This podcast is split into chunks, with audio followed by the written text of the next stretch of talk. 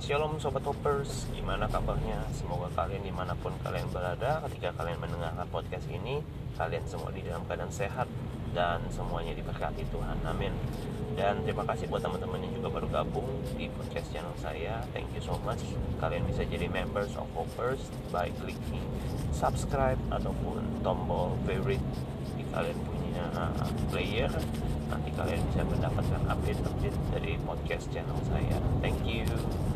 Nah, hari ini kita akan bahas sedikit tentang sebuah uh, ayat ya yang saya dapatkan di dalam Kolose 3 ayat 23. Saya akan bacakan buat teman-teman semua.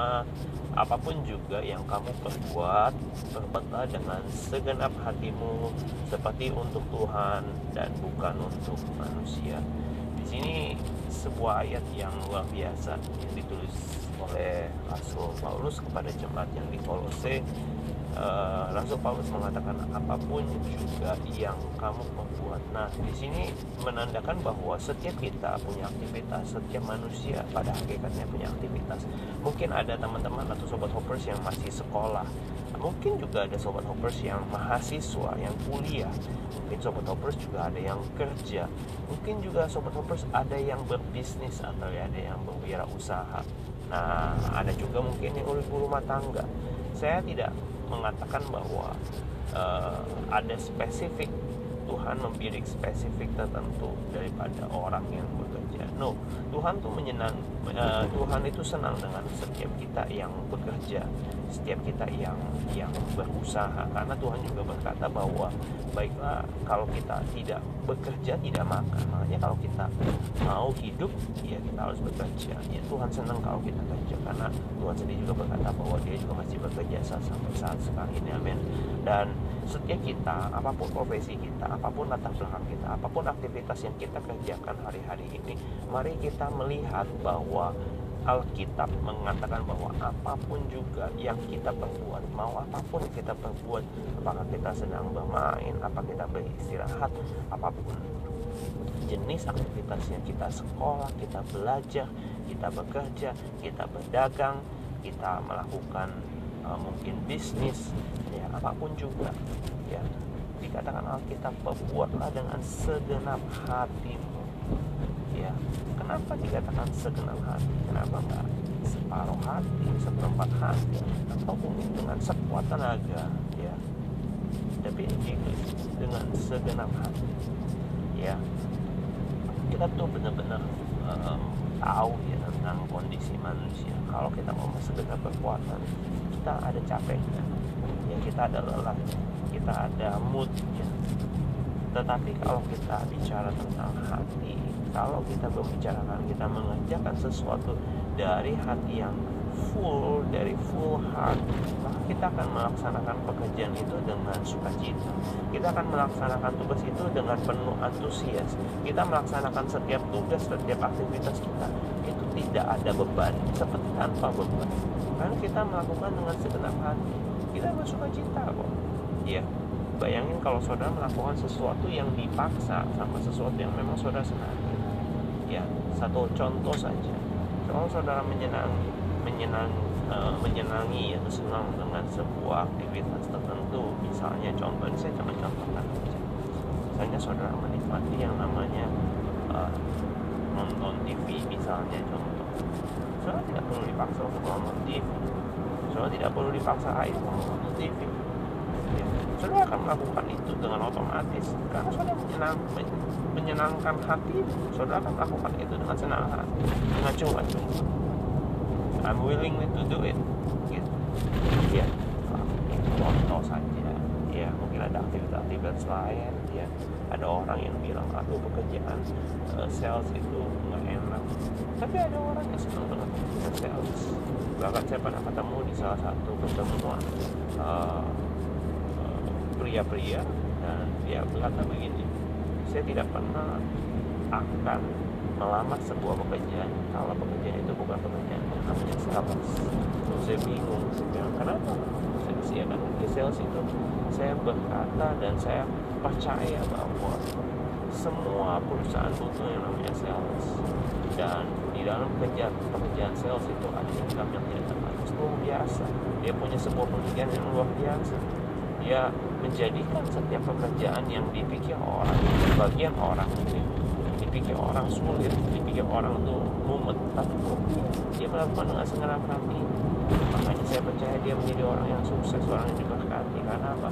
Karena dia melakukan dengan segenap hati tidak setengah-setengah kalau orang bilang dengan segenap kekuatan orang segenap kekuatan ada kalanya kita up and down.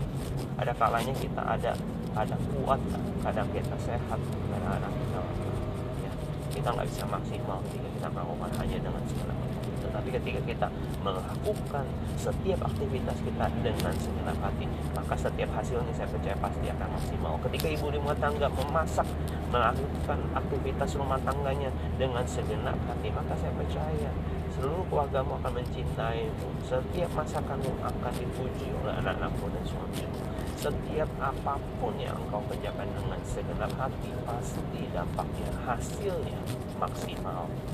Ya pasti yang terbaik kenapa? Karena engkau melakukan dengan segenap hati.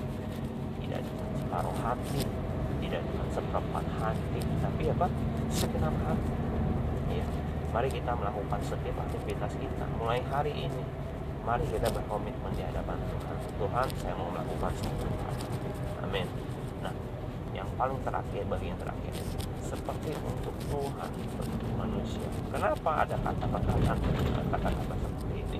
Saudaraku yang dikasih Tuhan kalau kita melihat bahwa ketika kita melihat orang melakukan aktivitas ketika ukurannya untuk manusia maka setiap apa yang kita lakukan itu bisa satu bisa yang namanya manusia bisa menghargai bisa tidak menghargai. Itu ya. Karena manusia ada yang bisa menghargai pekerjaan kita. Ya tapi ada manusia yang tidak menghargai pekerjaan kita ya itu yang pertama yang kedua. Manusia bisa menguji kita. Manusia juga bisa mengejek kita. Ada manusia-manusia yang bisa uh, bukan hanya tidak menghargai tidak cuekin tapi mengejek. Ya banyak sekali ya ada yang sudah tidak menghargai tapi masih ngejek masih menghina. Ya yang ketiga manusia itu terbatas. Ya kadang kita kalau melakukan sesuatu untuk dilihat manusia kita akan kecewa loh.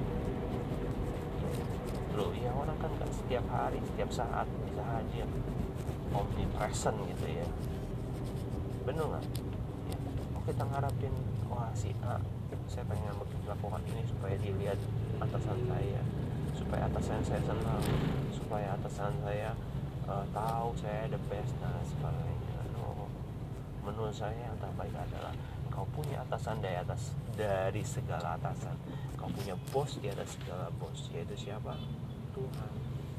Tuhan itu tidak pernah terbatas. Dia maha hadir dia melihat setiap aktivitas kita.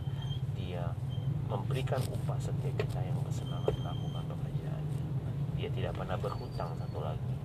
Ya dia pasti membalikan setiap jerih payah kita di hadapannya. Jadi kalau kita melakukan setiap aktivitas bukan untuk dinilai manusia tetapi untuk Tuhan dengan segenap hati. Nah banyak sekali orang-orang melakukan pelayanan ya dengan segenap hati tetapi berharapnya kepada manusia. Tetapi ketika manusia itu tidak memberikan apa yang dia harapkan dia kecewa dia tawar hati dia tidak lagi segenap hati makanya banyak orang Kristen banyak orang percaya ya tidak melayani lagi. Bukan karena apa-apa tapi karena motivasinya salah. Makanya saya mau luruskan pada hari ini. Kebenaran firman Tuhan datang kepada saya dan juga kepada setiap kita yang mendengarkan podcast saya ini bahwa ketika engkau melakukan apa pun juga yang kau lakukan, apa pun juga yang kau kerjakan, kerjakanlah dengan segenap hatimu seperti untuk Tuhan bukan untuk manusia. Kalau engkau melayani itu, engkau melayani di gereja di mana pun engkau berada, layanilah seperti untuk Tuhan. Berikan dengan segenap hati, berikan yang terbaik seperti untuk untuk Tuhan. Jangan seperti untuk manusia. Amin sama seperti semuanya ya. Kalau kita melakukan semuanya segenap hati seperti Tuhan maka saya percaya setiap apa pun yang kau kerjakan kau menjadi orang yang maksimal kau menjadi orang yang sukses kau menjadi orang yang berhasil memberikan yang terbaik. Dan saya percaya hidupmu mempunyai buah hidupmu mempunyai dampak dan hidupmu bisa dikecap dan bisa dinikmati oleh banyak orang di sekeliling semoga setiap apa yang saya bagikan pada hari ini boleh menjadi berkat buat semua sobat hoppers di mana pun kalian berada menjadi orang-orang yang militan, orang-orang yang berubah, orang-orang yang sukses. Karena saudara punya Tuhan Yesus bersama dengan saudara. Tuhan memberkati. God bless you all. See you in the next episode. Bye bye.